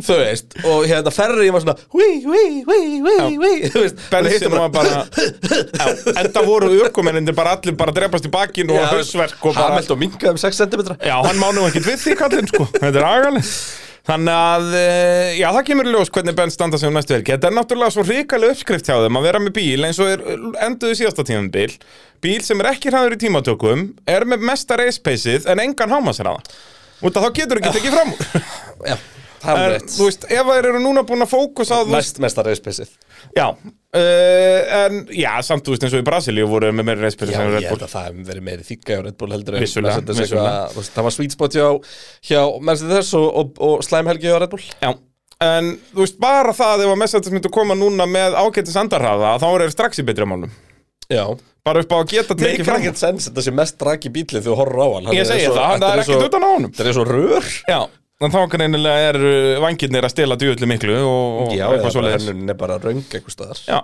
Uh, Konrad eh, spyr mun Alonso komast á pódium að þessu tímabili Já, Er það ekki, eru við ekki bara báðir samanlega um það eiginlega? hann svo vinnir að kjæfni sko Ég sagði það í fyrra, það gekk ekki upp, ég þór ekki að segja það Ég aftur skal, ég skal taka á mig Ok, þú tekur það að Hann skerði núna reppar einhverja keppni alveg Eitthvað, þú veist, bara eitthvað snemma, þú veist, Im- klerk á Imbi við stappen, Þór þegar bomba að, hvern hérna- annan í Saudi og Alonso Já, kemur strólkerur og ekki í Singapúri eða eitthvað Já. þú veist.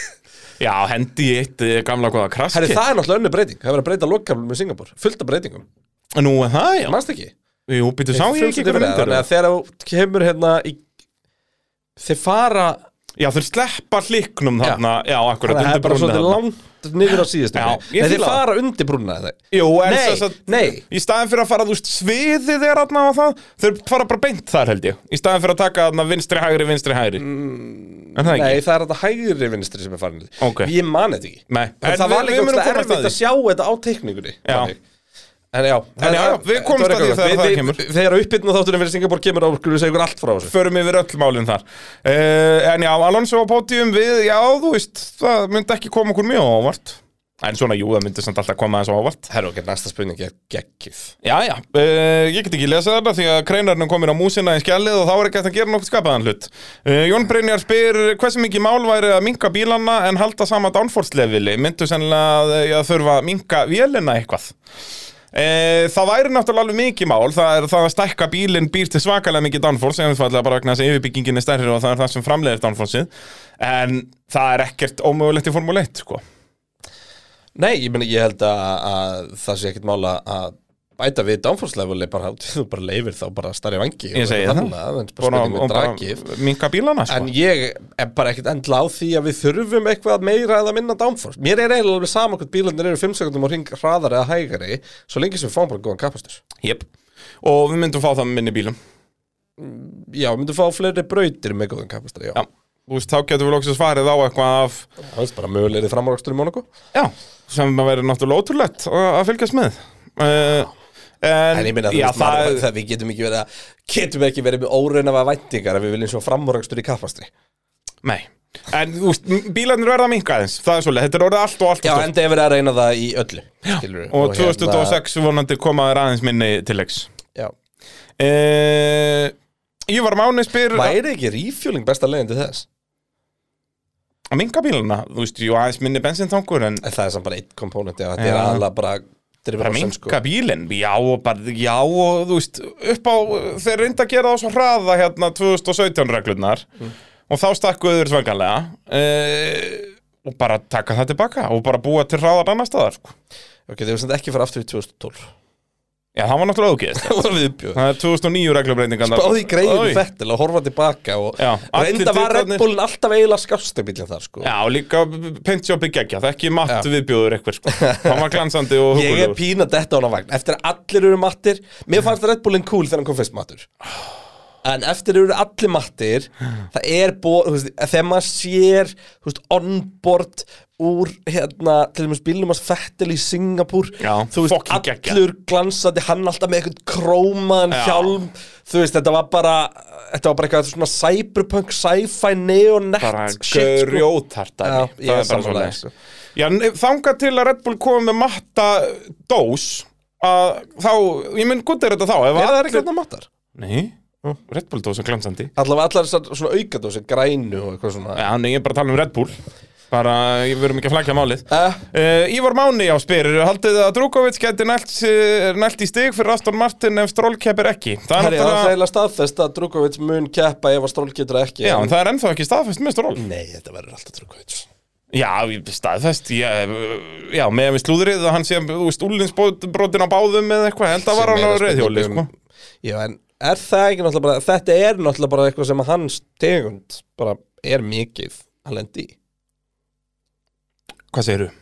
Bara fólk eins og hann þeir lenda mikið í svona meðslum Formule 1 tökum þá? Nei, vangirar Já, ok, damn wankers Uh, jú, þetta er bara ef ég verið liðstjóri í Formule 1 ég verið lungu búin að banna reyðhjól, bara Ég alfæri vorkir eins og Stról þetta er bara fýblagang, Þú veist, hún langar hann eins og að vera í formúlunni ég veit ekki, er ekki pappans bara að segja honum að vera að gera þetta Já, þú veist, hann er þú veist, Hann- Stroll það er vildi eitt- bara ein vera af lögfræðingur en hann, efasemdunum hann, sem hann að- þurfti að vera Formule 1 okkur Nei, meina, þú veist, það er eina efasendur Þetta er auðvitað alltaf strákur, skilur En hann bara einhvern veginn er portræðast sem svo mikið dikk í öllu sko. Já, já, hann er bara spóild, killuru En þú veist, það er alveg fullt af spóild fólki í Formule 1 sem að haga sér samt ekki svo fáendar Já, en hann, hann, þú veist Það er þetta innanbrautar, það er þetta sem er fettil í Brasilíu og eitthvað svona Og líka bara einhvern veginn, það er engin sjarmi yfir þessum manni, sko Bara njandi Nei, sorry, útstrála uh, aðdáðandi Já, er einhver Ég held Það að er sé einhver ekki kanadískur að hlusta, það er engin latífill að halda með núna Já, en allir kanadísku menninni voru á Latifi vagninum Það er bara svo leiðis Hann var indislegur Já,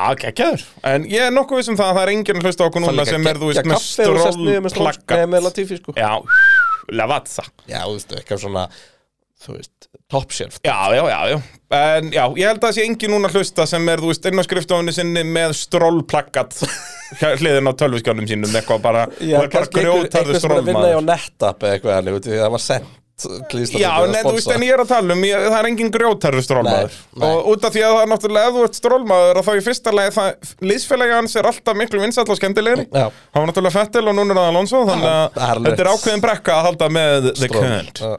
Uh, en þannig er bara staðan uh, Rökkvir Rapp spyr, mun Piastri vera næstum því á pari við Landó?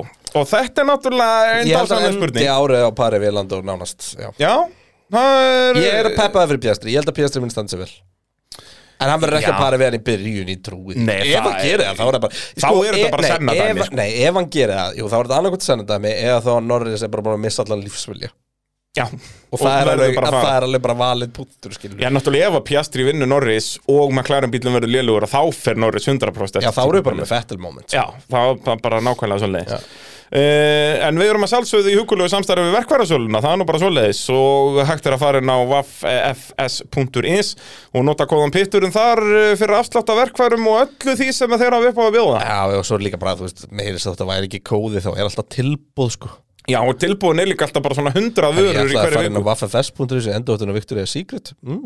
Hú, þá veit maður hvað greinar var ekki Herri, mæla bara spray Alvöru 500 pervert millilitrar 645 Nei, þetta þetta er blúið til þetta ný tölva og ég gerði bara vaff S og vart og ítt og endur á kom Victoria Secret Já, já. Fór ekki inn á sína bara inn á Google En þannig eh, að- tölvan En veit það hvað er, sem sagt, greinarinn vill. það er tilbúð á öllum fjandanum um, Ef ég ítti bara að sjá all tilbúðsverður Fæ ég ekki að vita hvað eru Ég fæ ekki að vita hvað eru margar En þú veist, þú getur fengið borsug, þú getur fengið riðolíu Vanta ekki múrhæru fyrir sumar Já, En þú þetta- þarf þetta þarf að fara að nota hana Það geti, geti Eh, verið, já, þau eru skallan verið verkfæri svona Massavél, Það er bara, ú það er alltaf Er, tilbúð er, inn á en er Waffles. Iconin vel eða er bara massavél? Ha, Svolítið grín í brallanum uh, Reyndi ekki amalum pakki Mér er besta sagan, sko, Maggi bróður minn sagði mig frá því í síðustu viku að það var eh, nýr starfsmæður að byrja í vinnunni hjá honum Já. og á öðrum degi eða eitthvað kemur nýju strákurinn inn á gólfa vestaðurinn með pitstyrhú og Maggi bróði bara hvað, ertu alveg á fulli formúlinni eða? Og gæði bara, ha, nei, það held ég ekki Eh, Nei, bara út af húinni, sko Já, ég sá þetta bara í verkvarðartölunum Mér finnst þetta eitthvað töff ég, ég held að þetta sé eitthvað podcast eða eitthvað Sæði mér það einhver Þannig að hann var bara með pi- að rokka pitstyrhúi Og hafði ekki hugmynd um hvað þetta var Fannst þetta bara töff Já. En það er Er- pitstokkuð ekki dæðilega Er töff eitthvað eftir að pitstyrfum með það? Það stóðreifa ég Já, Miðað við að- það er eitthvað smá eftir Nú er það svoleiðis? Já, já, Já, heyrðu, skellið ykkur á pitsu uh, á dásamlega fólk. Heldur betur og náttúrulega fyrir fimmtæðin líka Já, nákvæmlega, að rokka pitsu þegar hún, heyrðu, djöfilega kvatirn að vinna í áhuga verið stöfið Ég veit að það er Við fengum geðveikt sneak peek af stöfið sem hann er að gera og holy hell, Já, og hvað þetta náttúrulega á kynasandi. fimmtudagum ætlar að frumsynna líka lúki fyrir árið í, í þáttum Já, svo sem sagt, líka, já. Djöfilega peppa fyrir fimmtudeginum, maður. Að taka upp hérna Pitturinn live Já, já, já, ég var nú að tala tala um uppbytnum þarna Já, Patreon. já, nei, ég er að tala um pittin live, sko, bara Live. Live, að hitta okkar allar besta fólk Það er bara svo leiðis Já. En áfram með smjörið Eh, Ívar Máni spyr eh, Hvað haldið það að mörglið vinni keppni í ár? Ég var búinn að segja Ég ætla að vera pínu neikvæður, ég segi bara þrjú Ætlar, ætlar þú að hendi fjögur með Aston Martin? Ég er nú bara að vara að hugsa, ég verði eiginlega að gera það sko Ég held að við verið bara toppliðin Og meira segja held ég sko að Kvorki Sainz nýja Peres minni vinna Ég sagði það í síðasta þætti Já, ég held að það geti verið rétt hjá þér sko um, En ég ætla samt að halda í vonuna og segja Alonso minni Ég vona að verði eitt allavega ekki top 3 lið Já, en sko áðurna lengra er haldið, þá langaði mér að spyrja þig spurningu. Já, Hvað býtu og hvað ertu að vinna með hér? spurðu spurningu Já, já, já. E, sko, þitt mat, Já. og þetta þarf ekki endilega að vera sko lið, bíl eða ökumar en eitt svo leiðis. Hver eða hvað er svona aðalvinnerinn úr þessum prófunum? Bara svona, eða rínir í allt. Sigur verið prófan Já, síður vegari prófanina uh, yfir alla faktúra skilur þetta má þess vegna vera ykkur braut eða hvað sem er Þú hendir þessu á mig í ferðardag Já, Þannig og ég gæti þú fórst að undirbúa rýna mig. í gögnin Og ég er búin að rýna í gögnin Já, Og uh, Sko í fyrstu þá trúði ég ekki útreyningunum mínum nei En þetta, þetta gæti komið mörgum á óvart Og þannig ertu búin að fara í öllu long- long run og bara allan Long run, takkan short run og Já. búin að hlusta á allir þess að Gary Anderson og allt Já, þetta alla sérfræðingana. Og fara að breyta Ertu tilbúin í sigurvera prófana 2023 að mati The Goddamn Criner Ég er tilbúin Ég ætla að unmjúta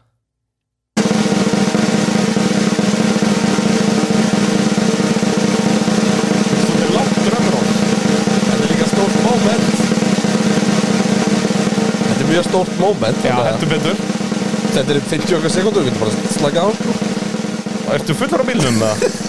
Og Sigur er prófanna 2023 er Guð mig góður Daniel fucking Ricciardo Búm! Hann er að fá 18 miljónir borgar fyrir að keira ekki að Já, maklarin fyrir að ekki verið maklarinn bílnum Ó, Þetta er svo augljóst þegar maður pælir í þessu að þetta er svo, þetta er svo by far Já, hann er núna sitjandi á okkur ströndi ástralíu að hlæja alla leið í bankan En bara, ég ætla bara að fá að setja lag hérna undir Ó, og bara Gaddi. þú bara hafa með við tölum um þetta Já, já, já. en að, þú veist, að fara í gegnum allt þetta og þú veist, vera búin að taka þessi erfiðu ár Já, ganga eld og brennistein vera allt í einu mögulega með mögulega að komast í besta bílinn Já. og fá 18 miljón dollara borgaða fyrir að þurfa ekki að setjast upp í þennan maklarinn það er bara, þetta er mestu jafn gott og að Fettil hafði getað sleppt í að gera Aston Martininni fyrra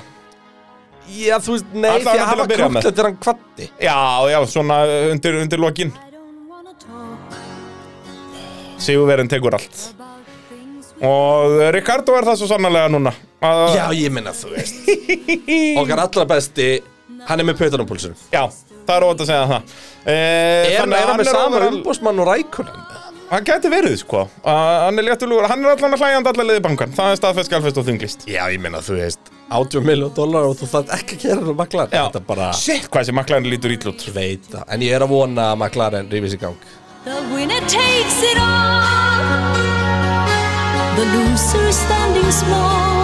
Og lúserarnir hvað er eru Piastri náttúrulega hár? Nor Norris og Piastri, sko Hvernig að pjastið Já, ekki stóð sko He's not standing tall Nei. Það er þetta víst Þannig að hérna Já Nei, en mikið vona ég að McLaren rífis í gang og þetta hérna. lægist Já, þú veist, þeir munuðu þetta alveg rífa sig í gang En það er bara spurning hvort þeir rífið sig úr sko áttunda sæti upp í sjötta Eða úr, þú veist, sjötta sæti upp í fjórða Sem ég stóri alveg Ég held að þessi ekki að fara að vinna að stóma Þetta er samt svo langt tímabil, hvað getur djöðum mikið rosalega gæst tímabil en, en þú veist, það fer eftir í hversu snemma þessar uppfæslu koma og hva- hversu mikið eru varðiðar en, en Já. ég ætla að vona því að þú veist, ég get ekki hort á makla ef ég fer að missa maklaren aftur bara til Williams þá bara fuck this shit sko. Já, svo lengi, ég var alveg til í að sjá það ef að Williams taka þá sæti McLaren já, þú veist, ég er að segja aftur þangað sko. Það- uh, hérna, En ég er ekki að sjá þá úst, Þetta er- er að fara að vera mittfíldlið næstu áratvíin sko. í greiningu Gary Anderson Já, sem er uh, fyrir um uh, yfir hennu Hönnu, Jordan, og, og fleira þá vil hann meina að maklaren sé áttundi bílinn Já. Og ég er sammála því eftir þess að prófanir það eru bara Williams og Alfa Tauri sem eru hægari að Hasin sé hraðar en McLaren núna eins og staðan er og já, þannig var þetta í fyrra líka fyrir bara en, en síðan, þú veist, reyndist það er eitthvað svona bókibraut fyrir lið og þeir voru strax skári í næstu kjarni og voru síðan bara fjórðu besti í Ástralíu, þú veist, Ricardo var sjött í Ástralíu, sko já, þannig að, þú veist, eh, enda vinnir enda vinnur sem tekur allt og lúserarnir eh, standing small Þetta var bara svo eye-opening þegar ég fatt þetta Já, já, bara, það er, vá, ég, ég, ég- kann að meta þetta grín hér Þetta er ekki, er þetta grín? Já, þetta er, nei, nei, svo sem ekki, sko Þú veist. Það er eins og segja, maklarinn lítur hrikal út eftir þessar prófanir uh, Fannar Snær spyr uh, Er Lewis farin, uh, farin ef Benz tekur annað ár eins og í fyrra og þeir uh, leysa eh, Nei, Lewis er búin að- Lando Norris til sín fyrir Lewis 24 er bara búin að committa á það að vinna áttunda titil Já, og miðaveist, það voru fréttir núna í kringum prófanindar þegar hann var að vera brjálaður yfir sko dekkjareglum, mögulegum dekkjareglum á næsta ári Það segir mér að hann sé að fara að keppa næsta ári annars myndi hann ekki nenn að velta sér upp úr því sko. Já, ég held að Lewis verði alveg fram að reglubreitingum 26 allavega sko. Jafnvel, sko, hvað er hann? 36 núna eða? Ég veist, Alonso er 60 sko. Já, mér finnst þetta svo störtlu staðurind að eh, Fettel geti skrifað núna undir 8 ára samning og hann væri þá jafn lengi í formúlinu og Alonso verður eftir sinn 2 ára samning núna og ef Fettel var að hætta sko. þannig að þú veist þessi maður er eitthvað annað Það er hann ekki ekki þér og mann líður nú eins og Fettel er búin að vera nú djúvillig lengi í formúlinni sko. þetta er bara, þetta er rosalegt þannig að já, En já, það Lewis er líka vandamál því að það þýðir að endurnýjunum verður engin já, já, já, þú veist, það er aðeins hægari Nei, en meina, ég minna, þú veist, hann það er er- það nú er- þegar búin að að kokkblokka Piastri í vel og, og svona þannig að Þannig að, jú, jú, þetta er, þetta er bara eins og Guðjón Valur var í landsliðinu, skilur, að þú varst rétt hendur hotnamaður á Íslandi, þá gættu bara- glemt í að spila með Þú, landsliðinu. þú varst búið með fyrirliðin árin að Já, já. og, og þóttu þau fæðist sko, í kringu fyrsta sko. leikir Ég segja það, það skiptir ekki neinu máli, sko, þú bara varst ekki, þú veist, hvað, hann hættir 42 eða eitthvað Já, Guðjón Valur, hann og var eitthvað það svipað. var auðvitað bara út í að hann, þú veist, hafði ekki tími í þetta sko Já, og líka bara þá var þetta líka orðið þannig bara, heyrðu, við verðum að leifa eitthvað af þessum ungustrákum að spreita sig, sko. En það voru líka ungustrákarnir orðnir allir 27 ára, loksins þeir byrjuði með landsliðinu. Einmitt. E, þannig að nei, ég held að Lewis sé ekki að fara neitt allavega ekki, ekki eftir þetta tímabil þó að bensin verði aftur eins og hann var í fyrra að þá, þú veist, út að þá hafði hann farið í fyrra skilur það er alltaf, hann er alltaf aðeins að að horfa fram á við Já. spá ég e, Ragnar Már eh, er að velta fyrir sér hvort að pitmenn eru farinir að æfa sig á mununum og liveríunu á Haas og Alfa Tauri Sko ég er ekki litblindur þannig að þetta er ekkert mál fyrir mig út í að það er svo mikið raukt í, í hérna á, á öðrum stöðum í Alfa Tauri Já, sko- sko. það, Alfa Tauri mér, mér, hann, mér finnst hann eiginlega auðþekkjanlegast í bílinn sko. Nú, ég rugglast aðalega á Alfa Tauriunum bara við Alfa Romeo frá því í fyrra Já, mér finnst bara Alfa Tauri eins og ljótur að ég Ég er þekki hann. sérstaklega svona beint framann og hann er alveg Eins og agalegur frospinni eins og frospinni, vel krútlegur Já. Eh, þannig að nei, já, ég, mér veist ekki svo mikill In munur þar á. before að við verðum allan tíma bara og hvað er Magnús að nei ég meina nei að, að- já, þetta er og svona bara, bara... já, og eh, ekki segja gastliðadur Alonso og eitthvað og skilur ég ég er þetta kvíði fyrir því það verður Þú agalegt veist, ég var geðveikt ofta að fara að segja Alonso eða eitthvað svona því ég sá Alpinin já, og... þá, en þú þekkir þú bara hjálmónum Já. legendir í gastlihjálmurinn, maður Ha. Hann er eitthvað alveg cool niður. Gekja, gildið maður, hipp og cool, það er uh, svolítið svo leiðis En uh, brallin alltaf er brálaður við því að það er ekki, það er enginn með persónuleika Nei, en þetta er gasli hjálmurinn Þú veist, hann fór síðan bara yfir Red Bull hjálma Nú er hann komin aftur tilbaka í OG, skilur við Og hann var alltaf með gildan hjálm í gegnum allt Hann bara veit ég ekki Nei. Þessi, Þetta er gasli hjálmurinn Þetta er ekki galli hjálmur, þetta er bara hjálmur Mí, mí, mí, mí, mí. Það er, ég væri til í að það væri eins og í gamla dag Æ, að þú ert svo leiðilur tíu ára barn Þegiðu. geti teiknað upp hjálm og ég myndi vita hvaða aukum að það væri Nú er það ómögulegt Hættu Ég er brjálaður, mér langar að brjóta þannig alltaf bramla, ég er brjálaður Já, Ah, bramlaði Á ég að bramla svolítið? Næstu spurningu Eh, Runolfur Óli er með næstu spurningu eh, Hvað er langt í að þetta verði bara 20 carbon fiber bílar? Persónulega finnst mér þetta ekki góð þróun að takmarka málningu á bílunum eh, Nei, það er á endanum verður komin öll málningin á bílan aftur þegar liðin eru loksins búin átt að sjá því hvar þau geta sparað eh, viktina annað en í lakki Já, veist, þetta er bara auðvelt og ódýrt að að ná í þetta svona Já. um, uh, Til að svara fyrirpart spurningar þar Svona tvær vikur Já, það er, eh, þú veist, að- ég byrju eins og Williamsinn á ekki eftir að vera svona svalur Ég En ég meina- elska að Williams var eina liðin sem málaði heilóið Mér finnst það geggja kúl Já, það er ekki séns að vera þannig Nei, ekki fræðilegu Ekki nema Viljans að gert einhverja stórkostlega hluti í bara weight saving, ég veit já, Já, já. sko uh, Red Bull gerði það til mér Já. Red Bull bara, það var einn þeirra stærsti fókus í vetur, það var bara weight saving sko. tóku bara uh, gamla góða bara allir boltar fóru bara í sírubáð og ja. dásamlegheit sko. Va- Ertu búin að heyra þá sögu hvað Chevrolet gerðu í, í touringkar þetta er svona 67 eitthvað svoleiðis þegar þeir eru með Camaroin út að þá var touringkar þannig að þú þurfti bara að vera með orginal skilina þetta þurfti að vera alveg orginal bít síðan máttur setja þú veist öflöru vél og eitthvað en skilin þurfti að vera orginal Í verðinni síru Já, tók alla skilina og dýfðin í síru og spöruðu sko hundruðir kílóa og skildi hana bara eftir í síru í 2-3 daga þannig að allt játnið var bara orðið ekki neinu og það, það var náttúrulega engin styrkur eftir þannig að það var bara, síðan smíður bara sk- sem sagt, veltubúrið inn í þetta sem tengdist í öll dekkin og allt skilur þannig að þetta var orðið að bara kappastusbíl þannig en Það var bara grind með yfirbyggingu Já. og undirvagni og, og spöruðu þarna, já, eitthvað bara 200-300 kíló, en það var þetta frægast að sagan er að, að eitthvað aukumæður í öðru liði svona halla sér upp að setja svona olbúan ofan á toppinn á, á kamerónum og bara kl- brotnar í gegn og það var eitthvað skoðunamaður hérna og a- allir í sefrálit þetta er eitthvað einkennilegt, heyrðu, við skoðum þetta eitthvað og komist upp með þetta og voru líka bara, þú veist, þetta kamar og þarna úr vestmiðinni var kannski, ég veit það ekki 16 tonn. 1,6 já, þú veist, á- ábygglega hátt í 2 tonn sennilega meira en Meira 2 en tvö tonn tonn. þú veist, og kapastusbílinn með öllu vellubúrun og öllu var kannski 1,5 eða eitthvað þetta er rosalegt næmi, sko, þannig að Red Bull voru að henda svolítið í þetta, Já. það er ávand að segja það Já, allir bara Já, e, nema Ferrari voru fullgrimmir við þetta þar sem að nefið á bílum þeirra beglast bara inn það er svo þund carbon fiberið þar Já. e, en það verður eitthvað verið í því e, Ísak Örn spyr það eru kenningar að Alpín segja að halda aftur að sér og ætla að sína hvað hann getur í keppninni haldið þið að það sé satt eða, eða hann verði algjörlega saurugur í ár Hann verður ekki saurugur Hann verður ekki Ég held að saurugur. sé bíll. Hann- Þeir voru klálega að halda aftur að sér En ég veit eitthvað hvort þeir voru að gera meira en aðrir uh, Mér finnst ekki eitthvað merki um að Alpín, sko, Alpín er alltaf komin að erfiðasta staðin í Formule 1 Já, Það sem að þau eru að fyrir halda sér. framan hérna, miðjuna En eiga eftir að taka erfiðasta skrefið upp á topnum Já.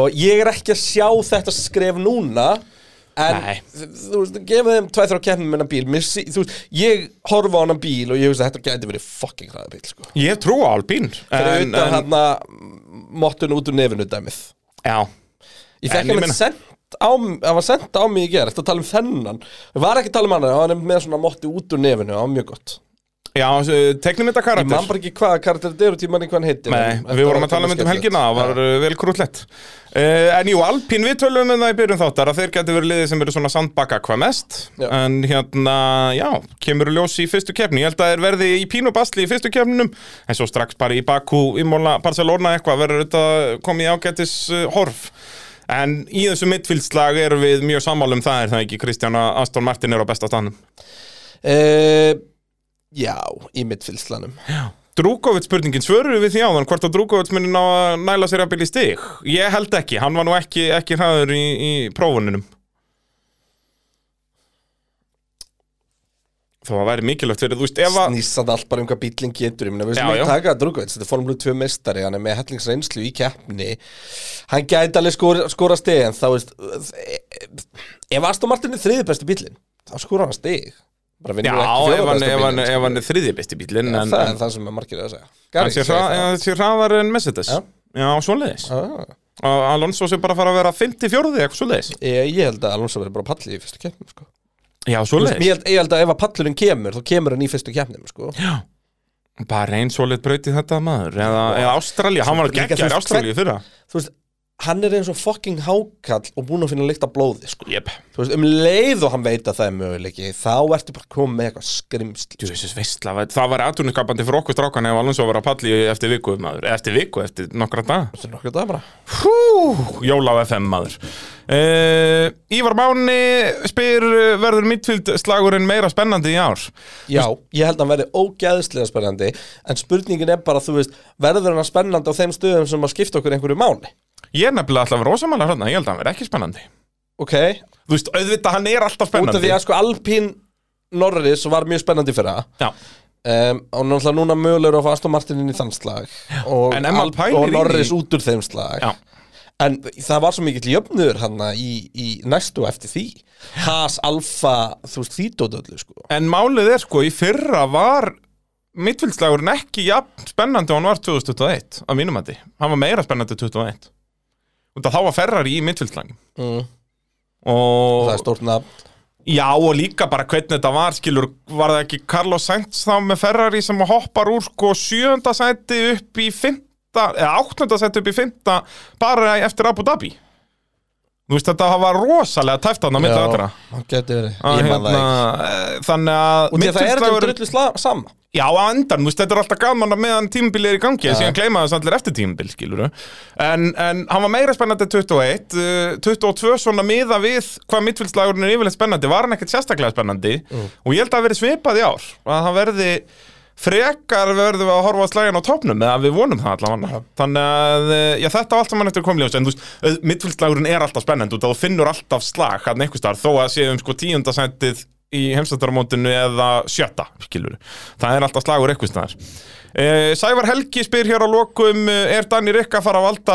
Red Bull hausverk, Eh, finnst það alls ekki óleiklegt að Peres eh, á 23 lélegar helgar í röð og munu fjölmeirar að fara að spyrja erfira spurninga um hvort að Danny Rick sé að fara að taka sætið að Peres og þetta er náttúrulega það sem við kreinarinn erum búin að vera að tala svolítið um síðustu vikunnar já, að þú veist, þetta er í rauninni frábært vopn fyrir Red Bull að hafa upp á að geta sagt við Peres bara, heyrðu, við erum með Danny fucking Rick ef að þú ætlar að halda áfram að vera saurugur hérna ég var að fá skrýtnustu frétt sem ég séð send til minn Jaha, Tottenham Hotspur tilkynnt í dag samstasamning við Formule 1 en samningurinn er til 15 ára byggður verður kappaðsbraut undir heimavill Tottenham já, er 1. april í dag eða?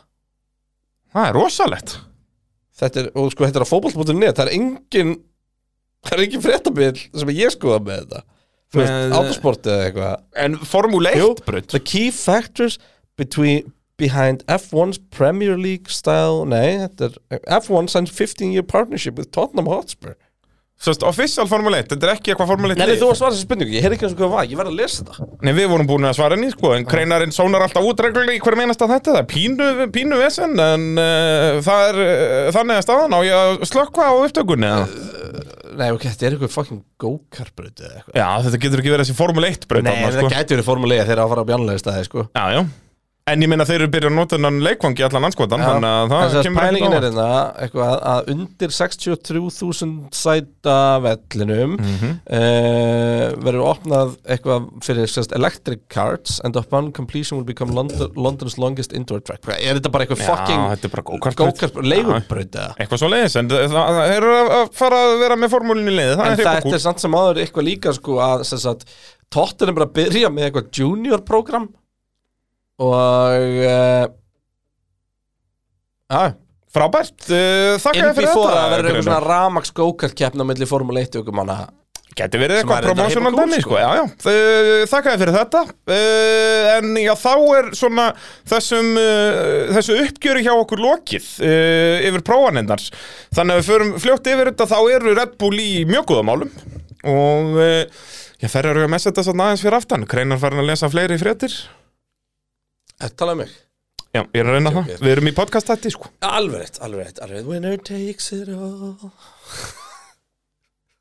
All right, uh, takk fyrir, Já, já, já, hvað þið?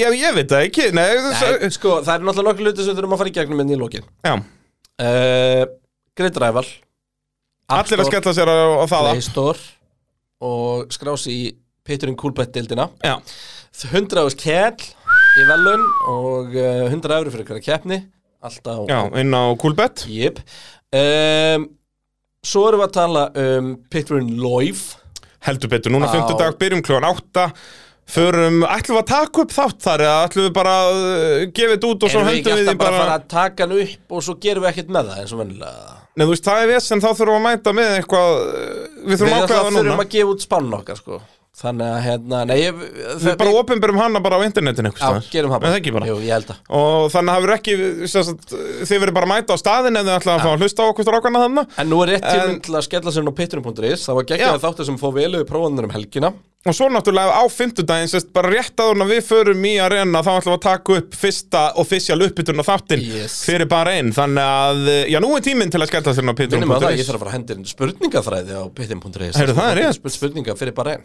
Það er, eh, við hendum í það hérna á eftir Já Og uh, já, eins og segir, Red Bull líta mjög vel út Hver er líta verst út, svona miða við status Það hlýtur að vera maklarinn Við vorum búin að fara yfir það Aston líta vel út, uh, Ferrari Mercedes er þarna á eftir Höldum við, Ferrari voru þá að sandbaka eitthvað Kemur í ljós, uh, já, tiltölulega snemma um helgina held ég Hvar Ferrari standa meðan við Red Bull uh, Leclerc náttúrulega ólsegur alltaf í tímatökum Við Maður förum veit betur það yfir samt aldrei þetta fyrr allt í, en í tímatökunum, Ég hvar er segi standa. það, við förum betur yfir þetta í uppbytuna þættinum minn á píturinn.is Heldur betur og bara takk í dag negla sér inn í deildina, mæta á fimmtudaginn, það verður bara svona rólegt kvöld Já. um, ætlum að fara yfir, tökum alltaf líka spurningar frá áhörendum í sal og, Já, og svona eftir, að, eftir að við erum búin að fara yfir helstu hluti að þá verður Jep. þetta bara easy spjall, yep. einn eða tveir eh, svellvolgir öl, yes.